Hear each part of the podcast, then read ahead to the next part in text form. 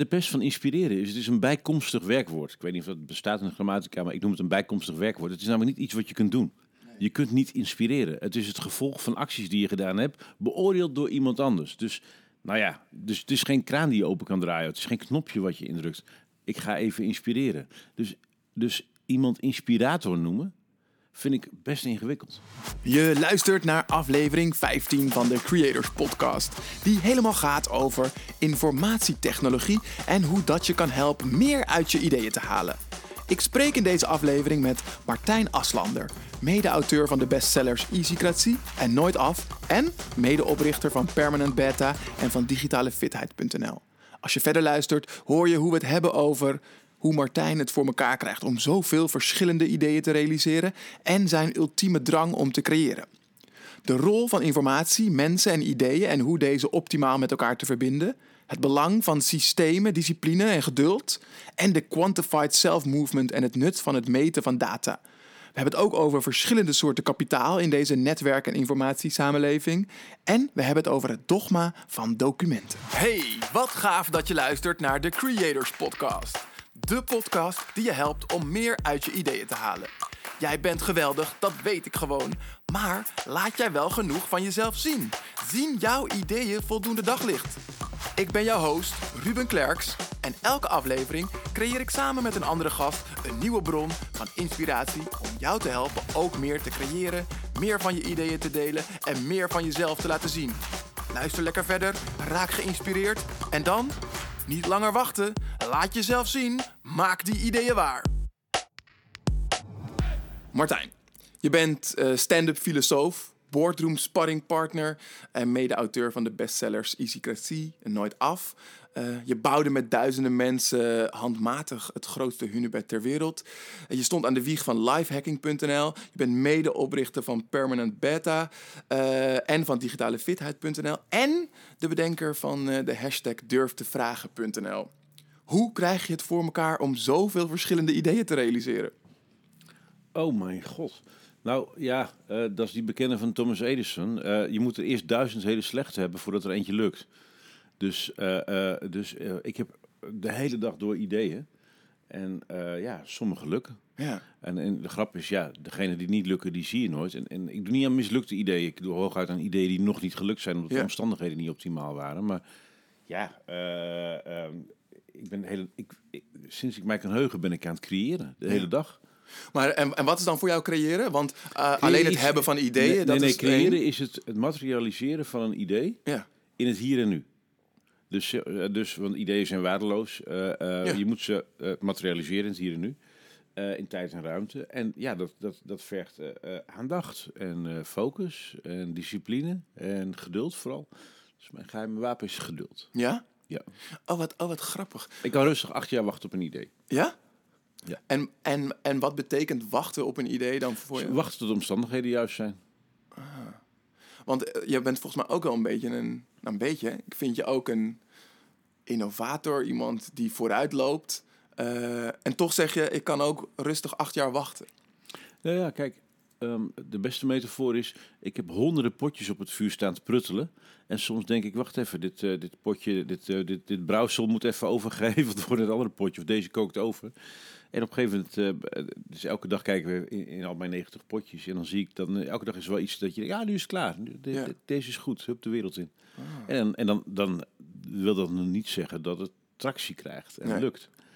Maar ja, ik ben gewoon breed geïnteresseerd en gefascineerd. En er komt van alles op mijn pad. En ja, mijn geheim is gewoon, uh, um, in tegenstelling tot wat de andere businessgoeders allemaal zeggen, ik zeg eigenlijk nooit nee.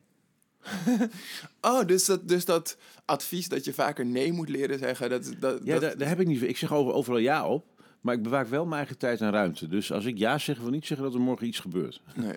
Anders gaan mensen mijn tijd hacken, dat is niet zo handig. Uh, uh, dus ja, ik, ik, ik zeg gewoon ja en, uh, en dan zie ik wel wat er gebeurt. Wat goed. En zit er een rode draad in de ideeën die je realiseert? Nou ja, veel van mijn thematiek, van ik ben bijna 50, dus je zou kunnen spreken van een oeuvre. Als je, als je 50 uh, bent, mag je een oeuvre. Ja, de, de, de, de, de thematiek, er, zit, er moet altijd een, een, een grap in zitten die geen grap is, een knipoog. Uh, het moet een, een, leuke originele fonds zijn, die hopelijk ook nog talig is in, uh, ergens. En het moet ergens maatschappelijk relevant zijn. En veel van de dingen die, waar ik mee bezig ben gaan over slagkracht. Dus hoe krijg je Ja. dingen gedaan? Ja. Ja, dat is natuurlijk ook waar we in deze podcast naar kijken. Hoe, hoe, hoe krijg je meer gedaan? Zijn er, zijn er dingen die wij daarin van jou kunnen leren? Hoe, hoe, hoe komt het dat jij zoveel Nou ja, gedaan krijgt? Dat is lullig, hè? Als je onbewust bekwaam bent, ja, dan is het aan de vragensteller om de goede vragen te stellen, om het boven water te halen. Weet ik veel, ik doe gewoon mijn dingetje. Ja. Ja, dus ehm, eigenlijk... eh, jij hebt, dus eigenlijk heb je niet geanalyseerd... eh, of blijf je daar weg dat, van... dat hebben al honderden mensen gedaan voor Ja. mij. Ja, Zeg maar, geanalyseerd over wat doet die Martijn nou precies. Maar ja, het is niet zo als je doet wat ik doe, dat je krijgt wat ik krijg. Want ik Nee. ben ik. Nee, dat ben ik ook heel, Ja. heel erg met, met, met, je- met je eens. Dus ehm, het heeft geen zin om iemand eh, te proberen te kopiëren. Maar kunnen wel misschien dingen zitten in wat jij doet... die andere mensen kunnen, kunnen inspireren. Ehm, Ik, ik haat dat woord. ja? Ja, ik heb je wel eens horen zeggen dat jij vooral niet een inspirator Nou, wilde de pest, zijn. de pest van inspireren is, het is een bijkomstig werkwoord. Ik weet niet of dat bestaat in de grammatica, maar ik noem het een bijkomstig werkwoord. Het is namelijk niet iets wat je kunt doen. Nee. Je kunt niet inspireren. Het is het gevolg van acties die je gedaan hebt, beoordeeld door iemand anders. Dus, nou ja, dus het is geen kraan die je open kan draaien. Het is geen knopje wat je indrukt. Ik ga even inspireren. Dus, dus iemand inspirator noemen, vind ik best ingewikkeld. Ja. Want eh, kan, kan je dat... Kan, je dat als, een, eh, als, als je tegen een cabaretier zegt, ben je cabaretier? Joh, maak even een grapje. Doe dan, doe dan, doe eens Ja. een grapje. Eh, en als je, dat, zo voelt het een beetje. Als tegen mij inspirator wordt gezegd, van dan ga even inspireren. Ik denk, inspireren? Maar wat is het dan, denk je, wat jij doet... Ik waardoor geef- ik- mensen geïnspireerd raken? Ik geef lucht en energie. Dus ik maak eh, complexe dingen, probeer ik wat simpeler te maken. Eh, wat ik goed kan, denk ik, is van perspectief wisselen. Eh, eh, dus zeg maar, dat, dan zit je in domein paradigma's. Eh, daarmee spelen en goochelen met paradigma's. Altijd op een lichte toon, maar wel op de inhoud. Want die, die lichtheid en die humor, humor en die lucht, die heb je nodig. Omdat anders die geesten niet open gaan staan om te horen naar wat je te zeggen hebt. Ja. Ja. En als je dan kijkt naar die luchtigheid die je brengt, en, en dus je geeft mensen ruimte, het valt me op dat je dat ook veel doet in relatie tot techniek. En dus ook als ik kijk naar digitalefitheid.nl, eh, ehm, daar zie ik dat ook in terug.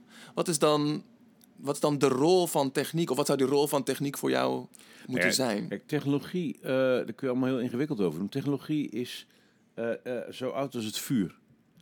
En dus, eh, eh, ehm, eh, dus alles om ons heen is eigenlijk een vorm van technologie. En er is digitale technologie bijgekomen. Daar zitten wat dynamieken aan die nieuw zijn voor de meeste mensen. Zoals schaalbaarheid en snelheid en dat soort zaken. En ehm, die technologie die kan eh, voor en tegen ons werken. En in die optiek ben ik ook een aanhanger van, eh, van Kevin Kelly. Die zegt van luister, al een jaar of honderdduizend of zo hebben we technologie in handen als mensheid. En tot nu toe heeft technologie ons elke keer net ietsje meer gebracht dan dat het gekost heeft. Want het lost van alles op. Nou, dat zie je ook op allerlei plekken. En het creëert ook weer nieuwe dilemma's. En daar moeten we ons toe verhouden. Maar tot nu toe is het patroon dat technologie de mensheid eh, elke keer net ietsje verder brengt dan de gevolgschade van die nieuwe technologie.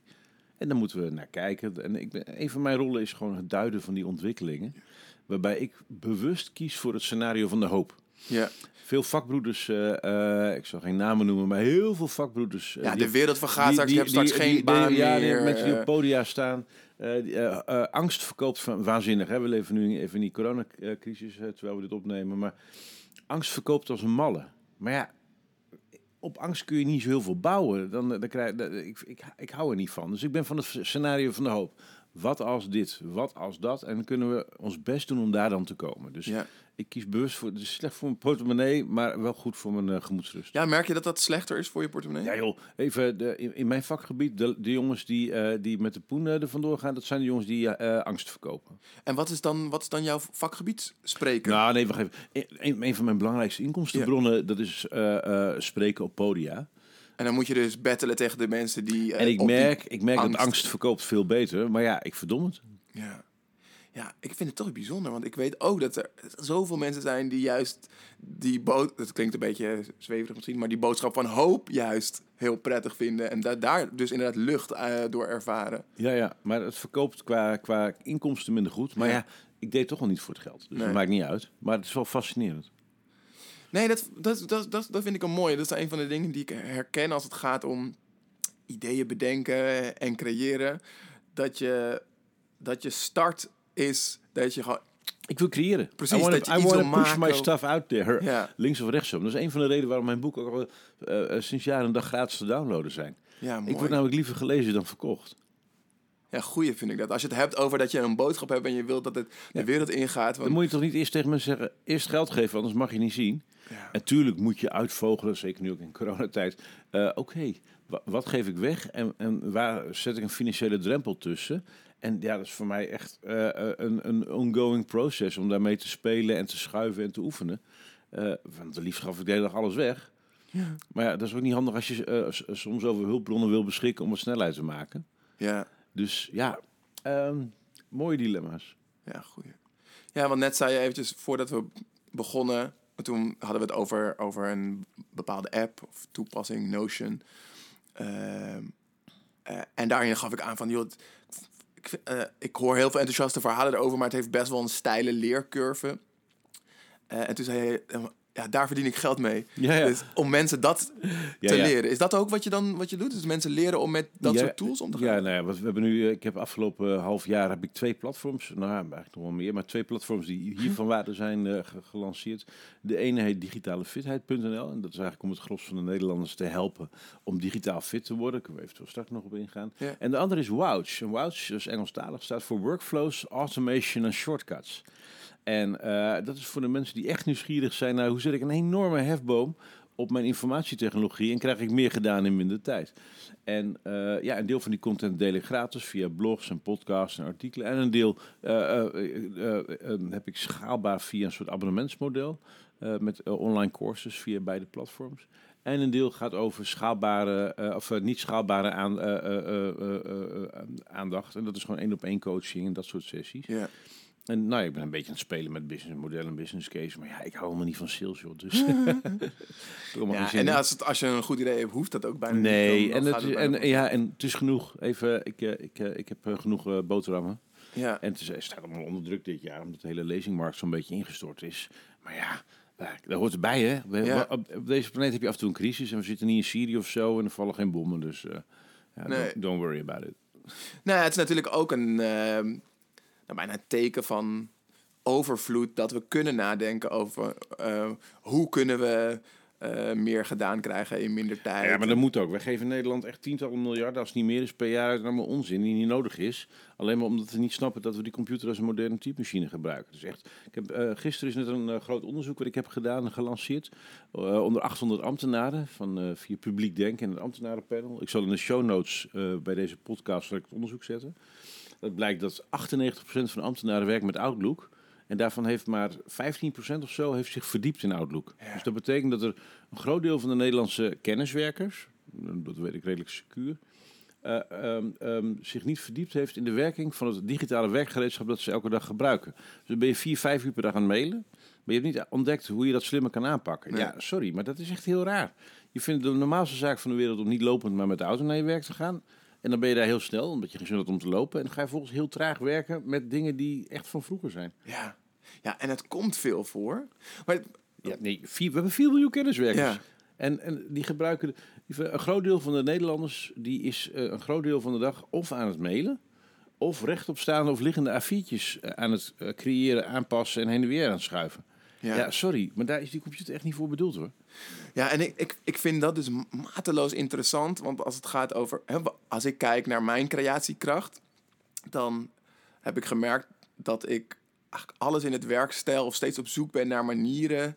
om zoveel mogelijk te kunnen creëren. En uh, ik heb een foeihekel aan dingen dubbel doen of vaker doen. Uh, dus dat, dat wows klinkt me super tof in de, in, in, in de oren. Want het klinkt me ook als iets wat je gaat helpen om je acties te automatiseren, zodat je ze niet vaker... Ja, maar dat is zo raar. Een groot deel van onze dagelijkse acties is repeterend. Ja, hoe precies. Vaak, hoe vaak typ jij eh, hartelijk, uh, hartelijk groet, kom en dan je naam? Nee, dat, dat, dat heb ik al dus inderdaad maar dat is een tovertype. Dat is Ja. zeg maar enkelvoudig. Dat tovertype. Dat bespaart iedereen die nu luistert ac- acuut 40 tot 60 uur per jaar. Als je daar een uurtje in investeert. Als je, Even- als, je, als, je, als je waarin investeert? Tovertype noemen wij dat. Tovertype. Ik zal het, eh, ik zal het linkje in de show notes zetten. Tovertype. Eh, maar dat, is een, dat kost je 15 euro aan software. Eh, eh, je bent een uurtje aan het ontdekken hoe het precies werkt. Laat het een dag zijn. En je bespaart daar 40 tot 50 uur per jaar mee. Omdat je dus eigenlijk Omdat je- zinnen en stukken tekst die je vaker Ja, ja, typt, dus- voer je één keer in en er een shortcut Ja. voor maakt. Ja, en ik heb thuis een Elgato Stream Deck, ook die zal ik in de show notes zetten. En dat is een klein apparaatje, die hang je aan je computer. En ehm, daar zitten 32 knopjes op, die kun je programmeren. En dat klinkt heel stoer programmeren, maar ik kan helemaal niet programmeren. Maar je moet gewoon wat eh, knopjes ergens naartoe slepen, dus dat is heel makkelijk te leren. En het leuke is, dan kun je met één druk op de knop wel vijf of vijftien takenreeksen in één keer in gang zetten. Bijvoorbeeld, je bent op een website en je ziet een pdf, dan kun je zeggen met één druk op de knop, als het vaker voorkomt, nou, download het naar die map, upload het daarheen, verzend het daar en daar naartoe met eh, en die en die e-mailadressen in de cc met dat en dat en met dit in de tekst. En eh gooi het daarna weg, weet ik veel. Eh, dus Ja. je kunt gewoon hele takenreeksen van dingen die vaak voorkomen, zo eh, slim automatiseren dat je alleen maar op een knopje hoeft te drukken. Nou, ja, En dat is een, dat is een fysiek een apparaat. fysiek apparaat met knoppen wat je aan je computer hangt. Dus ja, als ik, ik, hoef, als ik een screenshot wil maken van een podcast waar ik mee bezig ben, een video, webinar, hoef ik alleen maar op een fysiek knopje te drukken en dan maakt hij een fotootje van het scherm. Wat een, wat een grappige aanpassing nog dat het een fysiek ding is, zodat je ook nog die tactiele Je wil handeling ja, ja, eh, maar je wil ook gewoon er niet over nadenken. Ja. En het leuke is, je kunt elk knopje aanpassen. En die 32 knopjes, je, dat is gewoon één profiel, zeg maar. Maar je kunt één knop, op één knopje eh, drukken en dan veranderen alle knopjes van vorm. 32 nieuwe... 32 nieuwe en je kunt een icoontje eraan hangen. Dus die dat zijn ledjes, mini, mini, leuk. mini ledjes. En ja, zo heb ik bijvoorbeeld eh, eh, eh, bij een mailprogramma. Dus hij weet ook van als, als je mailprogramma open staat. Hij, het, het hangt aan je computer. Je doet met USB of zo. ja, ja, ja, en het leuke is dan, dan, dan als ik mail open heb of Photoshop of een ander programma of Zoom. Ja, ik heb dus al die knoppen waar nu mensen met een muis helemaal naartoe moeten in Zoom. Of waarvan je moet ontdekken waar zitten die knopjes. Ik kan gewoon met één druk op de knop, kan ik elke functie in Zoom bedienen. Dus ik heb een handmatig knoppenapparaat per app.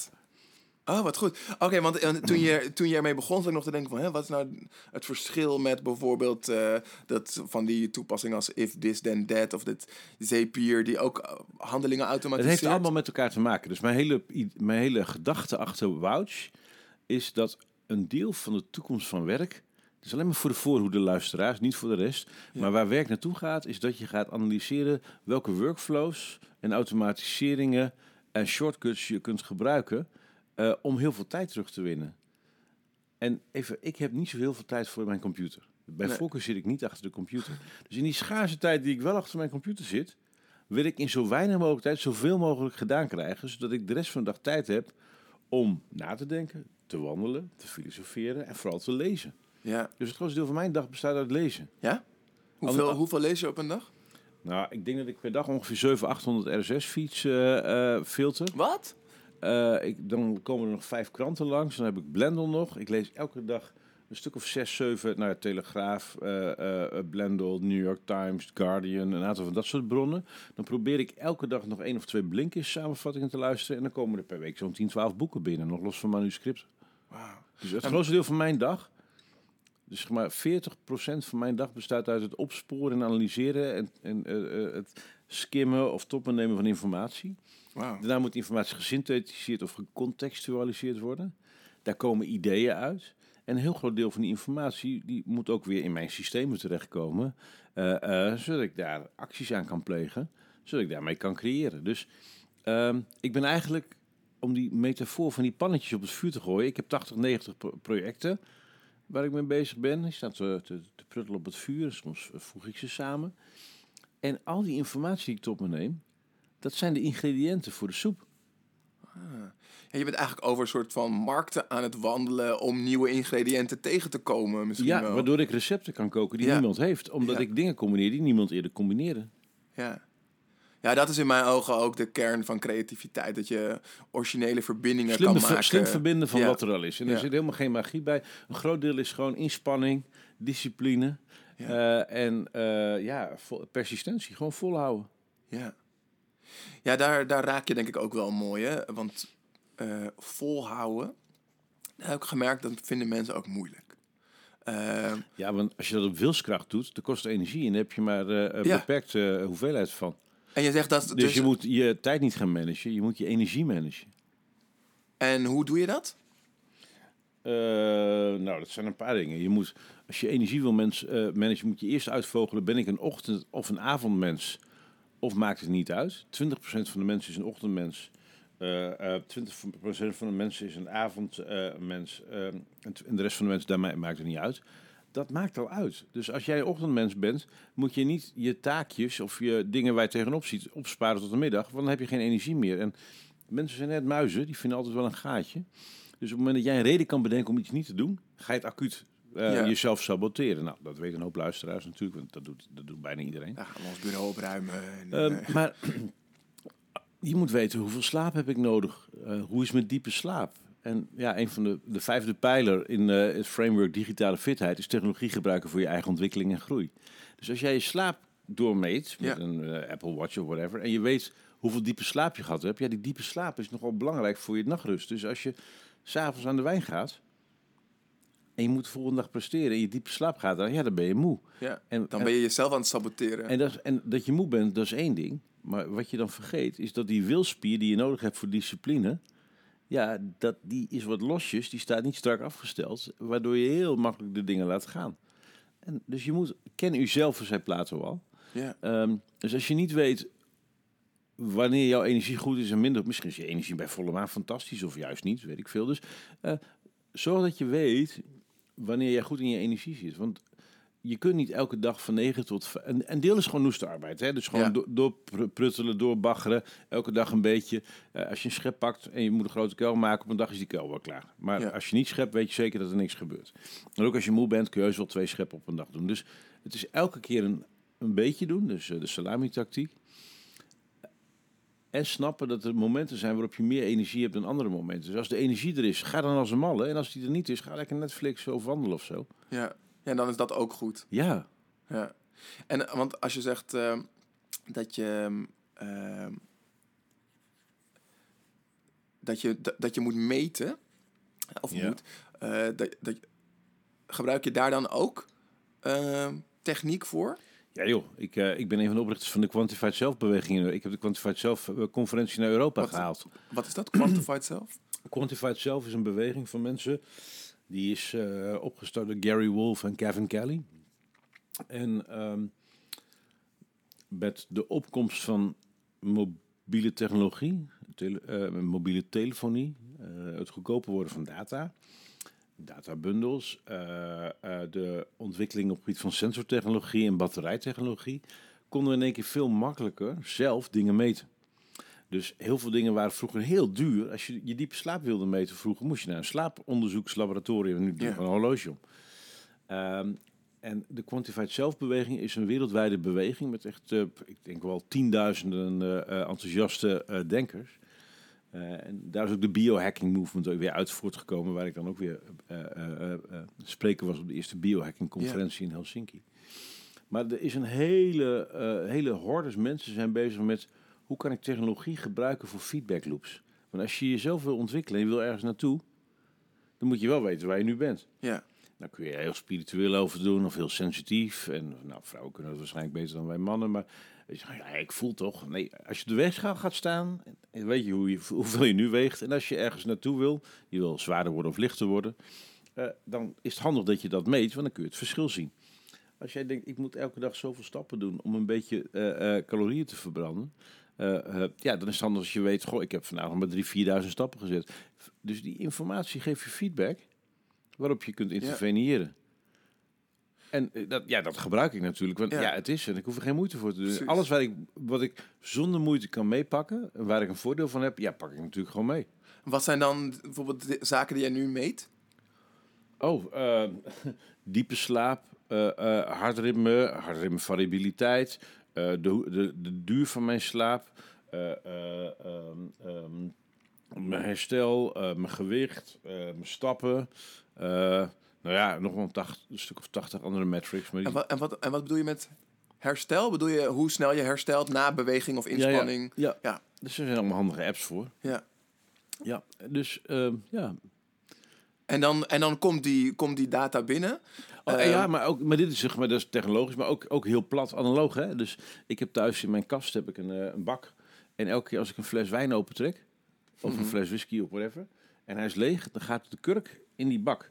En twee keer per jaar gaat die bak leeg op tafel. En dan sorteer ik alles netjes bij elkaar, zet ik het op de foto. Dat doe ik al 15 jaar. Dus twee keer per jaar is het bij mij kurkendag. Dan zie ik een beetje hoeveel, eh, hoeveel ik heb gedronken, meer en minder. En dan kan, ook daarop kan ik interveneren. En ja, ik vind het super grappig. En, Ja. en ik- ik- een deel van de luisteraars denkt, pff, wat een gedoe, waarom zou je dat doen? Alleen het leuke is, ik ben nu 48, ik heb in mijn leven al zo vaak meegemaakt dat ik iets aan het doen was waarvan iedereen zei, waarom zou je dat nou doen? Dat bleek in één keer een heel ding te worden. Ja. Dus ja, geen idee. Dingen Dus is misschien wel bijna omgekeerd geraakt. Als andere mensen er, eh, het niet snappen, dat jij Heb ik waarschijnlijk iets te pakken. Precies, ja. oh, wat goed. Hey, en als ik kijk naar eh, data bijvoorbeeld en dingen meten, eh, we kunnen dat steeds meer en steeds makkelijker. Zit er niet juist nu nog heel grote uitdagingen in wat we dan met die data doen of hoe we dat dan analyseren? Nee, maar dat is zo fantastisch wat er aan de hand is. Ik heb Ja? daar eh, een, eh, ik zal in de show notes een filmpje over delen. Dat heet De Wraak van Steve Jobs. Kijk, ehm, er zijn op dit moment ergens tussen de 100 en 150 miljoen mensen met een Apple Watch. En ook als je Apple stom vindt en, eh, en je vindt dit allemaal stom of je hebt er helemaal geen zin in, dan is het nog steeds prima. Maar wat die jongens aan het doen zijn, is spectaculair. Ehm, die Apple Watch die meet je eh, hartritmevariabiliteit en je hartritmestoornis eventueel. Toen heeft Apple gevraagd, of een, eigenlijk een open source onderzoeker, dus die data zijn niet van Apple voor de mensen die nu kritisch zijn. Eh dus een onderzoeksclub geweest, die heeft gezegd, kunnen wij open source eh, data vergaren via de gebruikers van Apple? En kunnen jullie fixen dat Apple Watch gebruikers hun hartslagdata aan ons opsturen? Dus die hebben gewoon een questionnaire uit doen gaan via de pers of zo. En er hebben 400.000 mensen in een paar weken tijd gereageerd. En hebben in, dat kun je gewoon met vijf druk op de knop doen.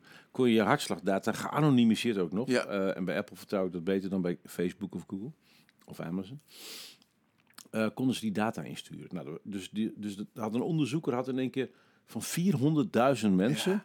Even bij een clinical trial voor een farmaceut mag je op lijst als je 20.000 mensen in onderzoek hebt. En dat is al onbetaalbaar. Ja. Apple had gewoon, of Apple, het onderzoeksbureau dat met Apple dit opzette, had van 400.000 mensen hartritmedata binnen twee weken. Gewoon digitaal klaar, hup, niks aan de hand. Nou, die hebben daar een paar data scientists opgezet.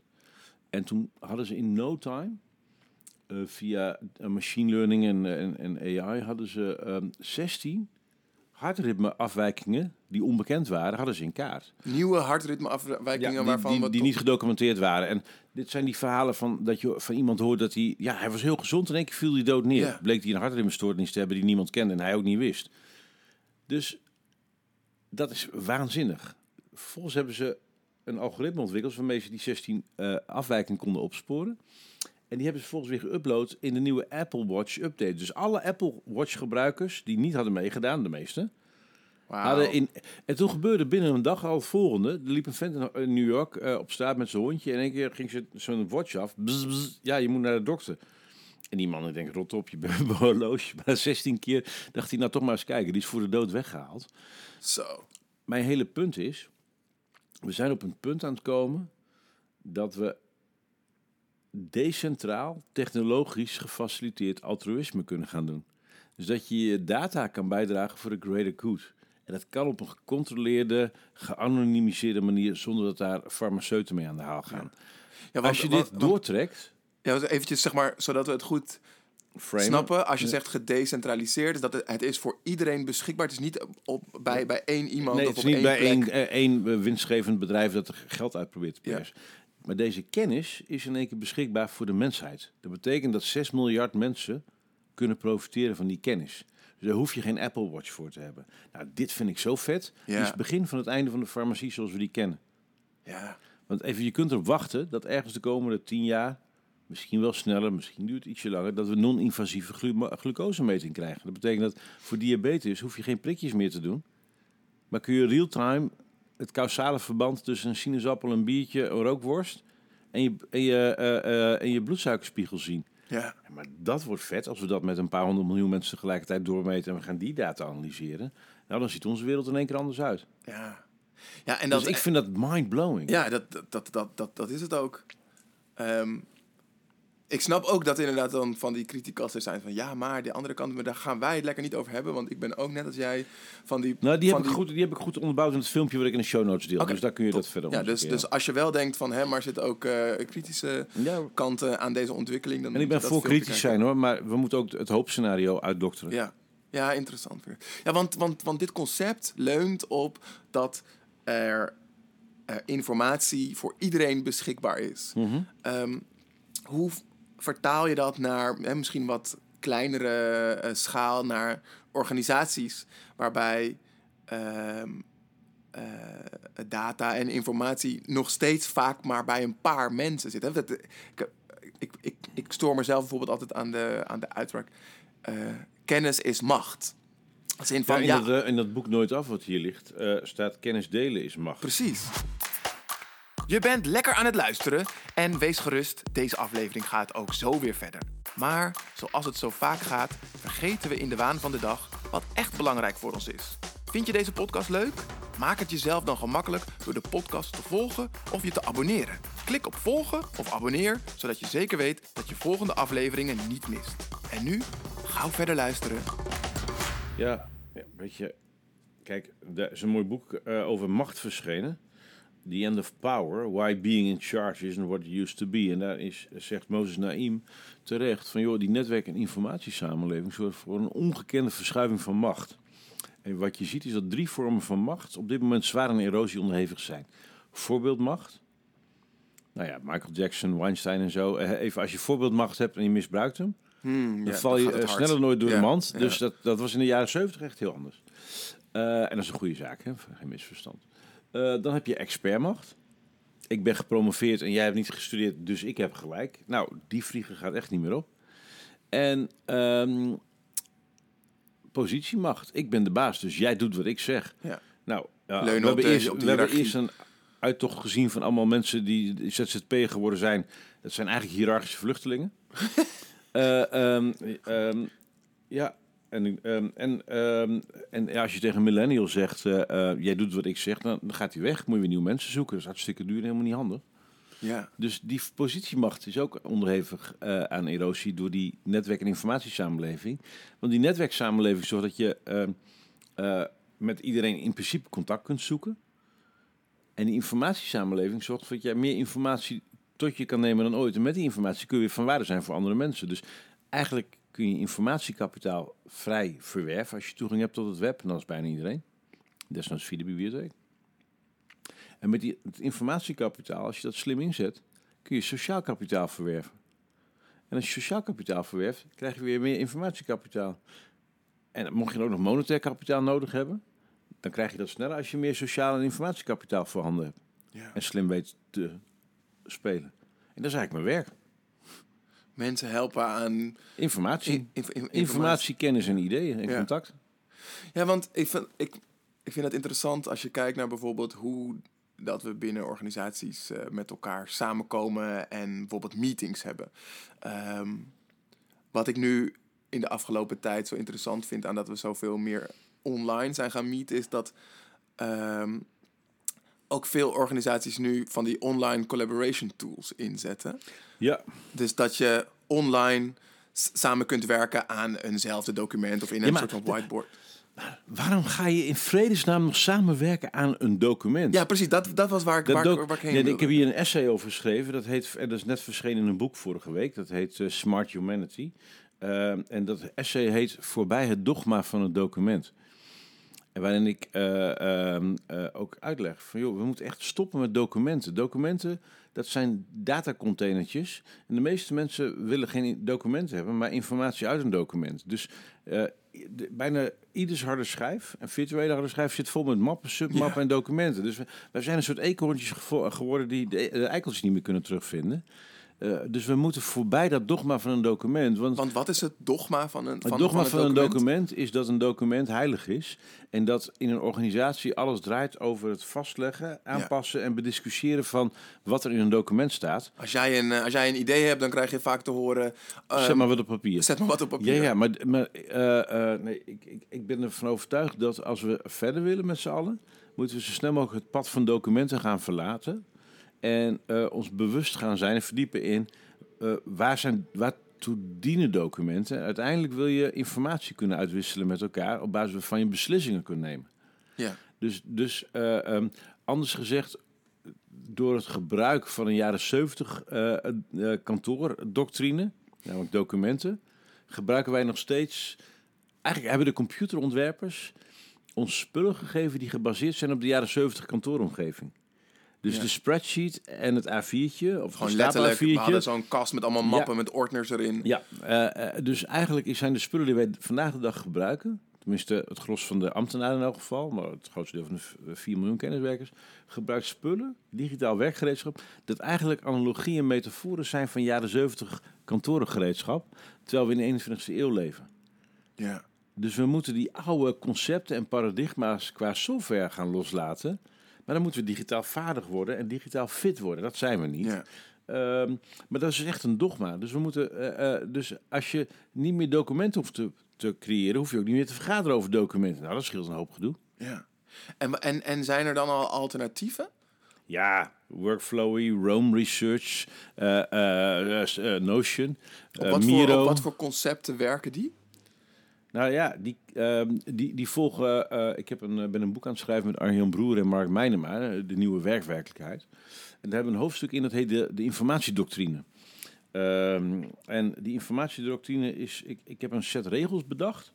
ehm, waaraan digitaal werkgereedschap moet voldoen.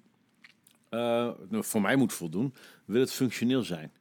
En als je langs die lat kijkt, dan valt bijna al het gereedschap wat de massa gebruikt, valt acuut af. Want informatie moet voor mij opslaanbaar, vindbaar, ordenbaar, herordenbaar, filterbaar, sorteerbaar, metadateerbaar en deelbaar zijn in seconden.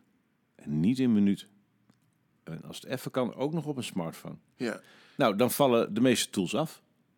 Want kan je, kan, kan, je, kan je eens een voorbeeld geven van een tool waarvan we misschien met z'n allen zeggen...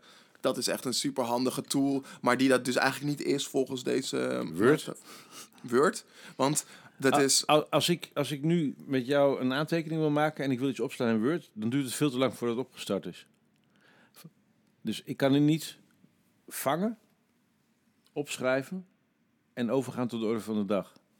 Nee, want dan eventjes, als ik die, als ik die stappen doorloop, dan moet ik... Het duurt acht, Dan moet ik mijn laptop openslaan, moet ik Word openen, dan moet ik daar iets typen en dan bestand op zo'n als. eh, nou ja, en misschien gaat, plekje me- geven. misschien gaat het opstarten, het opschrijven of copy-pasten en het saven, dat gaat je vast nog wel lukken ja, eh, onder een heel- minuut. dat heb je heel vaak gedaan, dus dan kan je misschien snel. Maar vervolgens kun je niet uit 30 documenten de blokjes informatie pakken, zoeken, samenvoegen, van plek veranderen. Nee, want als ik, Ordenen, als ik dat wil doen, moet ik alle 30 documenten openen. Ja, en, en dat stuk, daar, daar, ga, daar, hebben we een, een- daar zit een weeffout in de manier van werken ten opzichte van de technologische mogelijkheden van nu. Ja. Dus die manier van werken is niet meer zo handig.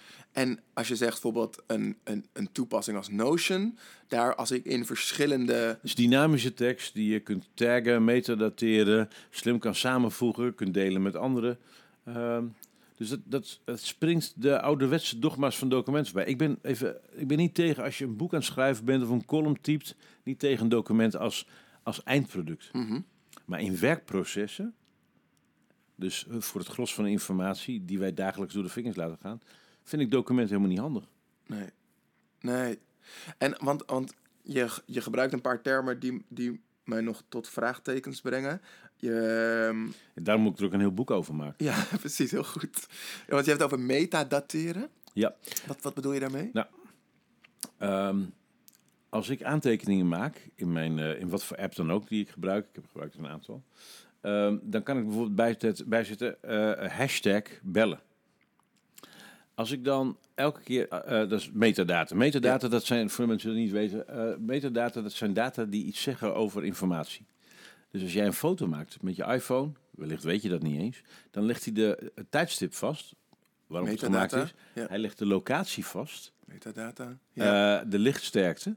Eh, dus hij meet een aantal dingen. ja. Eh, die kun je ook handmatig toevoegen. Dus als ik aantekeningen maak, dan zet ik erbij hashtag mailen, hashtag boodschap, hashtag bellen. Ja. Waardoor ik aan mijn informatiegereedschap kan vragen, mag ik even mijn bellijst zien? Ja, dan krijg je alles waar hashtag Alle- bellen ja, en de rest ziet hij niet. Dus dat is het sorteren en filteren. Ja. En als je geen metadata toevoegt aan je informatie, maar dat is een andere manier van werken. Ja. Dat moeten we allemaal nog leren. Ja, het klinkt ook als een, een, een nieuwe discipline of werkwijze. Want, dat, want dat leunt eigenlijk misschien nog wel meer op. Het is, inform- eh, maar het is de, eh, wij hebben, eh, ik, ik weet niet wat jouw luisteraars allemaal voor werk doen en wat die voor opleiding hebben gehad. Maar ik wed dat ze allemaal vier, vijf uur per dag een computer-smartphone combinatie gebruiken. Ja, En ik weet ook dat ze vast communicatiemedewerker, beleidsmedewerker of ondernemer geworden zijn en dat ergens geleerd hebben. Maar ze hebben niet geleerd om met informatie om te gaan. Dat heeft niemand je geleerd. nee, Ook omdat bijna niemand weet hoe dat moet. nee. Je docenten niet. Ik moet een beetje aan, eh, aan eh, eh, eh, Ellie Lust denken, die, eh, die, die, die agenten die in Wie is de Mol Ja. zo hamerde op eterdiscipline. Dat je, dat je eigenlijk ook een soort van eh, informatiediscipline Ja, ja. En we- eh, nou ja, moet... ja, maar discipline impliceert dat je, dat je weet wat je moet doen. Ja, Daar zijn we nog niet eens. moeten, we moeten eerst, We moeten eh, eerst gaan beseffen- kennis. eh, ja, daar, nou, ik heb er een paar documentaires over gemaakt. eh, eh, met KNVI eh, en met Oema Media. ja, kennis, kenniswerk. Heb je een Eh, we documentaire hebben eerst over eh, eh, de netwerksamenleving één gemaakt. Eh, dat is eh, toegang. Toen eh, over de informatiesamenleving. Alles is informatie. Met sprekers als Marleen Stikker, Maxime Februari en zo. en Brenno de Winter. En daarachteraan hebben we eh, eh, wat is kenniswerk.nl gedaan. ja. Ehm, oh, en ja, over wat betekent het als je met informatie en netwerken te maken krijgt. En het lullig is, wat je ook wil creëren op deze planeet. Mensen, informatie en ideeën, dat is mijn heilige drie-eenheid van dynamiek. Als je een probleem weg wilt toveren, je wil een kans verzilveren, je wil Mission Impossible doen, heb je mensen nodig, informatie nodig en ideeën nodig. Maar informatie is de brug tussen ideeën en mensen. ja. Dat is mijn drie-eenheid en die heb je alle drie nodig. Maar, het, maar dus het belang van informatie en dit kunnen verwerken is zoveel groter dan dat luisteraars zich nu kunnen realiseren. Ja. Alles draait om informatie, informatieposities, sociale informatie, strategische informatie, tactische informatie, kennis. En als je dat niet kan vinden, ja, en je hoeft niet harder te rennen dan de beer, maar wel harder dan die andere vent. Ja, dat vind ik een mooie. Ja. Ja. En om, het heel praktisch te maken, hè, dus eh, je bent nu aan het luisteren en denk misschien, oké, hoe kan ik hier ook mee beginnen? Hoe kan, ik, hoe kan ik een eerste stap zetten om in ieder geval een klein beetje anders te gaan werken vanuit die mappen, documenten, structuur? Nou, wat ik ga doen is aan het eind van de podcast. eh, kijk, ik ben aantekeningen nu aan het maken. En, ehm, bij elk onderwerp heb ik wel een webinar, een documentaire, een podcast, een artikel of een boek. En die zet ik allemaal op een rijtje voor de luisteraars in een, één linkje. En als ze op dat linkje klikken, dan kunnen ze nog. Ik denk dat ik zeker voor een dag of drie eh, eh, eh, studiemateriaal heb. En als je daar geen zin in hebt, hey, dan lekker niet, joh. Ja. nou ja, en, en, en als aanvulling daarop vind ik, het, vind ik het nog belangrijk om ook dan aan eh, de luisteraars mee te geven dat je goed voor jezelf op voorhand bedenkt wat wil jij leren of wat wil je eruit halen. Want dan kan je heel gericht ook Ja. zoeken wat je uit eh, die show notes wilt halen. Want alleen maar domweg, het, sorry dat het misschien klinkt het een beetje oneerbiedig, maar heel veel dingen doorlezen eh, alleen maar omdat wij zeggen dat het interessant Nee, je, is. Je moet weten wat je wil leren. Maar ja, aan de andere kant, als je, als je niet weet wat je niet weet, dat is ook ingewikkeld. Ja. Dus ja, dat is gewoon. eh, ja. Helder, ja. Ehm, ik ben gefascineerd en ik, ik zal het even aan de luisteraar beschrijven door hoe jij in, het, eh, of in dit interview zit en hoe je daar aan, aan, aan, aan begint. Ehm, Martijn kwam binnen en je hebt een device, een soort van tablet denk ik, eh, waar, je, eh, waar je heel duidelijk aantekeningen op maakt. Je je je hebt heel duidelijk aan het begin gevraagd, oké, hoe lang hebben we? eh, waar gaan we het over hebben? Voor wie is het? Ehm, eh, en je bent een soort van aantekeningen, denk ik, aan het maken die straks heel snel ehm, in show notes resulteren. Uh, sowieso, ik wil heel graag weten hoe je dat doet. Of wat voor systeem je gebruikt. Want als het gaat over show notes, ben ik altijd heel lang bezig na een podcast om als weer terug te luisteren. Nou ja, in alles wat ik vertel zitten patronen. Ik praat heel vaak over die informatiedoctrine en over die documentaires. Dat zijn allemaal brokjes met informatie die ik al lang klaar heb staan. Ja. Dus het enige wat ik aan het doen ben nu hier, is op basis van de vraag en het gesprek dat zich ontvouwt, uh, aantekeningen maken met welke blokjes, dus welke ingrediënten er in de soep moeten. Ja. Als ik naar huis ga straks, ga ik naar, die, naar een pagina in een programma dat heet Notion. Daar zoek ik alle blokjes die ik al had bij elkaar. Die copy-paste ik bij elkaar in de pagina voor jouw luisteraars. Uh, daar voeg ik nog wat extra tekst en ideeën en gedachten aan toe. En misschien schieten we nog wat dingen te binnen die dit gesprek niet aan de orde zijn, maar wel relevant zijn in de context. Uh, en uh, die URL, die, die heb ik al aan je ge gemaild net. Ja. en die lange URL in Notion heb ik um, door Bitly heen gehaald, bit.ly. Dat is een service waarmee je een afkorting kan maken. Dus je kunt een lange URL korter maken. En die, en die meet ook verkeer, die meet toch? Ook, ja, die Ja. meet ook verkeer. Heb je weer en dat die korte meten. URL heb ik naar jou gegeven. Ehm, en nou ja, daar staat nu al tekst op. Maar eh, als ik eh, thuis kom, verwerk ik hem. En na deze podcast is vast niet morgen al live. Dus ik heb waarschijnlijk nog een dag of drie, vier Makkelijk. ja. makkelijk om de show notes bij te werken. Maar ik denk dat ik een minuutje of eh, tien nodig heb aan nawerk. Wauw. En dan kan ik doen wat ik het liefste doe. En dat is onderbouwen en verder wijzen naar waar ik mijn kennis vandaan haal en Ja. mijn gedachten. Opdat de luisteraar, en al is er maar één, eh daarmee uit de voeden kan en ietsje verder komt. Ja. Oh, wat En goed. zo bouwen we voorts. En dit, deze werkwijze zou je dus ook heel goed in ander werk kunnen, kunnen toepassen. Als, als mensen op deze manier zouden werken en vergaderen, Ja, wat zou er dan gebeuren? Ik roep de laatste tijd veel. eh, it's hard to make a difference if you can't find your keys. Ja, En, eh, en ik vind het echt een probleem bij de Nederlandse kenniswerkers. De informatieliquiditeit van de meeste kenniswerkers is niet op orde. Die kunnen niet bij hun spullen, want die weten gewoon niet waar het ligt. nee. Eh, iedereen rotzooit maar wat aan. Het zit in WhatsApp, het zit in je mail. Ja, Eh, wat je niet heel- opruimt, Heel, het heel zit, pijnlijk eh, bekennen dat Jullie hebben het ook, 50, 60 inboxen. Het is één grote bende.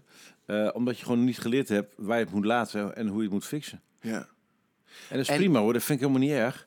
Maar ja, Nou ja, ja, prima zelfs, Maar- want, want dat is waar je mensen maar- mee helpt, toch ook Maar als ik zeg maar als meesterkok eh, met mijn 80, 90 potjes wil blijven eh, eh, koken, ja, moet ik wel zorgen dat ik mijn spullen op orde heb, anders gaat het niet. Nee. Het is topsport.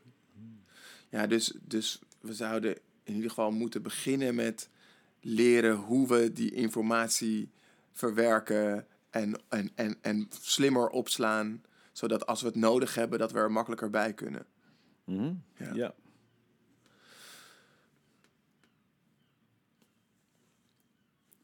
Even, een idee is niks anders dan gecombineerde informatie.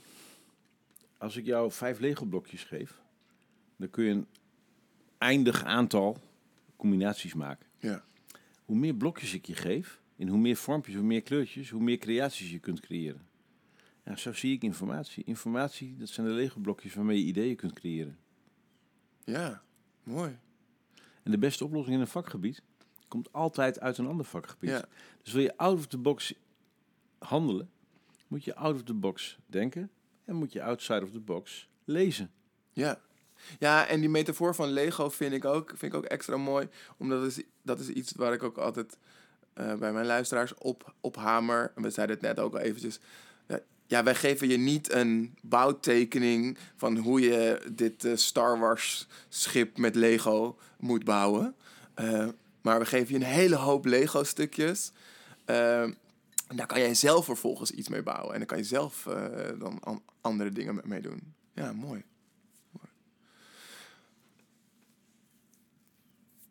Ik heb jou wel eens eerder ook horen zeggen dat jij dus mensen en eh, informatie verbindt met, door techniek? Of is het mensen en techniek verbinden door in- informatie? Nee, ik verbind mensen, informatie en ideeën met elkaar. Mensen, informatie en ideeën. Ik zou nog heel veel nog willen kijken naar die, naar die menskant. Want we hebben het heel erg al gehad over die eh, techniekkant. Wat zijn, wat zijn dingen die jou opvallen aan hoe mensen met ideeën omgaan? Ik vind dat zo'n metavraag. Ik weet niet zo goed wat je daarmee bedoelt. Oké, ga kijken of ik... Ik weet zelf ook niet zo goed, denk ik. Anders was het er niet zo uitgekomen. Ehm, wat, is, wat is de rol van mensen als je het hebt over eh, eh, nieuwe ideeën realiseren? Als ik een ehm, idee heb, dat is een aantal keren per dag, eh, dan ga ik dat idee, dan ga ik de eerste, de beste die in me opkomt, die bij dat idee past, of voor wie het van kan, ga ik bellen met het idee, ga ik het pitchen. Hé, hey, maar Martijn, heb je even, ik heb weer een idee. Nou, de meeste mensen weten dan wel hoe laat het is. En dan krijg ik feedback op het idee. Maar de echte functie zit hem in het feit dat ik het hardop tegen iemand anders moet zeggen. Ja, Dan komt er energie vrij. Dan moet ik het formuleren. Dan moet ik het zo formuleren dat het overgebracht wordt. Dan krijg ik feedback op hoe het overkomt. Ik hoor mezelf lullen voor het eerst. En daarmee valideer ik dat idee. Als daar energie op zit en ik krijg tractie, doe ik nog vijf of tien of vijftien belletjes. om te kijken hoe daarop wordt. Bij het vijftiende belletje heb ik alle, eh, alle beren van de weg afgeschoten. Heb ik alle angels en voetklemmen omzeild. Heb ik de tekst aangepast, het ritme, de woordkeus, de mits en maren. eh, En dan heb ik een afgerond verhaal. Dus ik heb mensen nodig, ook in mijn publiek, om mijn ideeën te scherpen, te toetsen, eh, feedback te ontwikkelen. En daarmee groei ik. En gaat een idee langzaam vliegen. Ja. Ja, ik vind... Even, ik heb op een gemiddelde dag heb ik tussen de 20 en de 60 telefoontjes. Wauw. De meeste duren maar drie minuten. Ja? Ja. Kan je, kan je schetsen hoe zo'n gemiddeld telefoongesprek gaat? Oh, ja, dat is, altijd heel functioneel. Mensen weten het ook van mij die mij kennen. Hoi, ja, hallo, ik heb een idee. Hey, hoi, ik ben Martijn. Nou, neem ook praktisch. Hoi, ik, heb, eh, eh, eh, ik, heb een, eh, ik heb een leuk idee. Zou jij X, Y of Z, want jij zus en zo, dat en dat. Ja hoor, we. Oh, tof, mail ik je even. hey, dankjewel. Doe. Of, hè, waar heb je het over? En dan... Nee, maar, nee, maar ik weet, wie ik, ik weet inmiddels wel wie ik wanneer, waarvoor, hoe moet bellen. Ja. Ja, wat goed. Ja, zo grappig. In een eerdere aflevering sprak ik zijn de met... beroemde drie minuten belletjes van Martijn. Die zijn duren. Maar, Ja? maar de meeste, ik denk dat 90% van mijn belletjes duurt minder dan drie minuten. Ah, En dus die belletjes zijn al beroemd geworden. Omdat mensen dan later, wanneer zo'n idee groter wordt, dan ook terugzien... hé, hey, eh, dat is mede voortgekomen uit ons drie minuten belletje. Ja. Ja, ik vind het wel mooi, want in een eerdere aflevering sprak ik met Ron Simpson. En hij gaf ook aan eh, wat het belang was van zijn netwerk. Eh, en dat hoor ik jou eigenlijk ook zeggen. Dus dat je weet wie eh, je waarvoor moet of kan bellen. Dus dat, dat is eigenlijk ook weer zo'nzelfde... Ja, maar dat kun je niet allemaal onthouden. Daar heb je ook, te- informatie. ook daar heb je technologie bij nodig. Ja. Dus ik heb, ik heb hele systemen om, om dat in, in goede banen te leiden. Dus ik, eh, ehm, ik heb 18.000 telefoonnummers in mijn telefoon zitten. Gewoon letterlijk. Ja, 18.000. Ja, Kunnen er zoveel. eh, ja, ja, daar kunnen we wel veel meer. Maar ehm, die heb ik gehamsterd vanaf mijn vijftiende. Heb je daar dan ook een soort van Ja, dat- metatech dat- ja, voor? Ja. In, bij de iPhone in elk geval kun je, eh, is er een notitieveld Ja. in het adresboekje. Als je daar een hashtag bij zet, hashtag spreker, hashtag schrijver, hashtag journalist, dan kun je in de Mac-app in elk geval een slimme map maken. Die slimme map die heet dan eh, als notitieveld bevat hashtag spreker, maak dan lijstje sprekers. Wauw.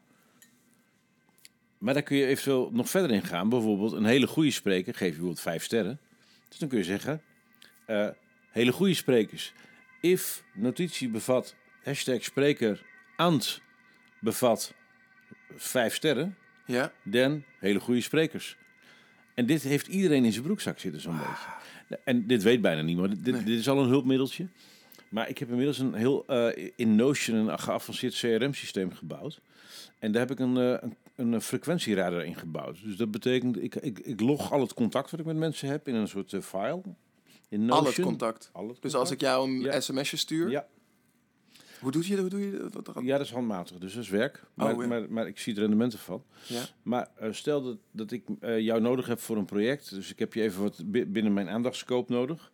ja, ik kan niet aan al die mensen de hele tijd denken, want ik ben ook maar een mens. Ja. Eh, dan zet ik een contactfrequentieradar aan. Dus dan zet ik bijvoorbeeld, stel dat ik, dat ik denk, oh wacht even, ik moet je even in de buurt houden, want ik ben een leuk project bezig, maar even niet vergeten dat ik contact met jou hou. Dan knoop ik aan mijn CRM en aan mijn contactlogboekje een frequentiedingetje. En dan, eh, als ik dan eh, jouw log, stel dat ik jou elke twe- 20 dagen wil spreken, eh, dan, dan kijkt hij in mijn logboekje wanneer ik jou voor het laatst gesproken heb. En is dat langer dan 20 dagen geleden, omdat hij geen logfile heeft aangetroffen. Dan gaat de radar af en zegt hij, yo, je moet Ruben even bellen. Wauw. Dat doe je ook in Notion? Ja. Wauw. Dit wil ik ook leren. Dus, maar, dit, maar dit zijn eh super tools voor superverbinders. Eh, Ja. gewoon, gewoon mensen heeft dit niet nodig. Nee? Eh, nee, die hebben. Kijk, ik heb en weinig tijd voor mijn computer. En ik ben met 40 tot 60 projecten tegelijkertijd bezig. En dan staat er ook nog van alles op het vuur te pruttelen, wat Ja. nog geen project heet. Dus dat kan alleen maar als je doet wat ik doe. Ja. ja, en ik hoor je zeggen het dat, je, dat, aan. je die, dat je dat dus wel nog, er zitten nog wel handmatige handelingen in, dus het kost nog wel tijd om het in te voeren. En je zegt dat, dat is het meer dan waard, I want don't, ja, I don't care. Eh, dus eh, het, hoort, het hoort bij mijn arbeidsethos. Ja, En het hoort bij mijn infrastructuur. Ja. En die vouwt zich om mij heen. Omdat hij mij moet dienen, niet iemand anders. ja. En die is niet perfect, maar dat is die van jullie ook niet. Eh, doe je, dat, doe je dat, dat soort dingen dan zeg maar gelijk eh, in de moment, als je straks in de trein Nee zit? hoor, eh, gewoon... Werk je het dan bij? Of heb je een doe je dat in nee, blokken? Nee, en ik, het lukt mij ook niet om 100% te vangen. Maar dat maakt helemaal niet uit. Nee, nee 80% is ook al waardevol. Ja, ja. En, en, en, en eh, als ik op de play zit, ik moet wachten in de trein, ik lig in bad, weet ik veel. Er zijn genoeg momenten. Er zijn in een, ieders dag zitten er genoeg dode momenten. En een van de geheimen van productiviteit is dat je snapt welke soort taken je moet doen als je het minste energie hebt. Ja. Ja, dat heb ik vaker inderdaad gehoord. Dat je, dat je daar ook mee kan sturen. Dat Als jij Ja. niet zoveel energie hebt na de, na de lunch, omdat je after lunch dip hebt, dan moet je niet een, een taak gaan doen eh, die super veel energie vraagt. Ja. Ja, dan moet je wel weten wie je bent, Ja, wat je wil, waar je heen wil. eh, ja, hoe dat allemaal in elkaar zit. ja. Wauw. Ehm.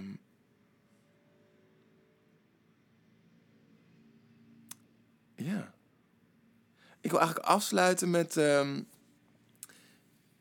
een eh, opmerking die ik je eerder heb horen maken. Eh, niet in dit interview, maar in, in een ander interview. ehm, waarbij je zei dat de focus op efficiëntie zou moeten veranderen naar focus op eh, effectiviteit. Ja, En ik, ik ben A benieuwd, wat is het verschil? Ja, nou dat is een dunne lijn. Ja. Efficiënt is met zo weinig mogelijk eh, moeite op een knop drukken. Effectief is op de goede knop drukken. Helder, ja. En als we... Dus, en, e- dus e- efficiency komt een beetje uit de managementwereld. En dat gaat over hoe gaan we slim om met schaarse goederen. ja, Schaars geld, dus hoe kunnen we iets efficiënt aanpakken? Effectief zit in een ander veld. Dat gaat over de impact. Dus efficiency gaat over de manier waarop. En eh, effectief gaat over het effect. en hoe komt het, denk je, dat we ons meer focussen op efficiency dan eh, op Ik weet niet of dat wel zo is. Maar ik denk het wel. Ja. Waaruit, waaruit maak je dat op? Ehm, omdat veel mensen bezig zijn met processen. Ja. Die stroomlijnen en... Nou ja, even, en het is een flauwe, maar ik vind hem wel leuk hier in deze. Eh, die Amerikanen die hebben miljoenen geïnvesteerd in pennen waarmee je in de ruimte eh, eh, ook kon schrijven. Dat was heel efficiënt, dat was handig. En de Russen die pakten een potlood. Ja. Ja, mooi. Top. Eh, Je, je, hebt, je hebt inderdaad echt zoveel informatie geleverd. Dat is volgens mij ook echt jouw grote kracht. Dat jij een wandelende... ik- Ja, ik denk dat jij een wandelende Wikipedia-pagina bent. En dat je dat dan ook straks zo overzichtelijk eh, op jouw Notion-page eh, gaat delen. Extra dank ook daarvoor. Eh, dus voor iedereen, check de show notes. Dan, dan kan je dit ook allemaal terugvinden. Eh, en voor nu, Martijn, ontzettend bedankt. Ja, eh, fijn dat ik mocht komen. En eh, ik ben heel benieuwd of er ook mensen naar gaan luisteren en wat ze ervan vinden. Ja, Het is altijd leuk om terug te horen. Dus hou je niet in als je dit hoort en je hebt er wat aan gehad. Of je vindt het leuk of je hebt vragen. Laat het me weten. Dat is veel leuker voor mij. precies. Dus laat inderdaad horen wat je ervan vond. En wat je eruit hebt gehaald, ben ik ook altijd benieuwd naar. En tot de volgende aflevering. Ja, succes. Dankjewel. Moet jij ook een beetje bijkomen van al die informatie die op je af is gekomen in deze aflevering van de Creators Podcast? Dat kan ik me heel goed voorstellen. En Martijn kon dat ook op voorhand al. We spraken al eventjes over eh, zijn methode om eh, die informatie vast te leggen, namelijk via een Notion-link. Als je naar onze website thecreatorscompany.com gaat en dan naar de eh, Creators Podcast surft, dan hebben we daar in de show notes ook de link naar de show notes die Martijn heeft gemaakt tijdens ons gesprek voor je klaargezet, eh, zodat je die ook kan volgen. Kan je gelijk even in Notion duiken eh, en eens kijken of dat misschien wat voor jou is als eh, note-taking tool. Vast en zeker. Volgende week gaan we het hebben over ondernemen vanuit passie, nieuwe ideeën bedenken samen met je vrienden. Ik ga dat doen met Niels Oosthoek. Hij is van het programma, het YouTube-programma Gierige Gasten, waar er later ook een heel gaaf programma voor Talpa uit is voortgekomen, namelijk de Anti-Bucketlist. Misschien ken je het wel. Eh, en we gaan het hebben eh, dus over eh, hoe het is om te ondernemen met vrienden en ja, wat er gebeurt als eh, zo'n gek idee in één keer een daverend succes blijkt te zijn. Luister je mee? Tot de volgende aflevering. Wil je jouw waardering uiten over deze podcast? Dat kan. Deel dan op je socials dat je hebt geluisterd en wat je hebt geleerd uit deze aflevering. Delen wat je anders gaat doen na het luisteren werkt nog krachtiger. Dat helpt je pas echt creëren. En het helpt ons om nog meer mensen te bereiken. Dat zou tof zijn. Dankjewel alvast dat je zo goed voor jezelf en ons zorgt. En wil je nou nog verder werken aan je persoonlijke ontwikkeling en dat op een leuke manier doen? Schrijf je dan in voor onze Self-Disco. Dan ontvang je elke week een mail boordevol tips, tools en inspiratie om jezelf en anderen beter te leren kennen, jezelf meer te laten zien en effectiever te communiceren. Surf naar www.thecreatorscompany.com en schrijf je in.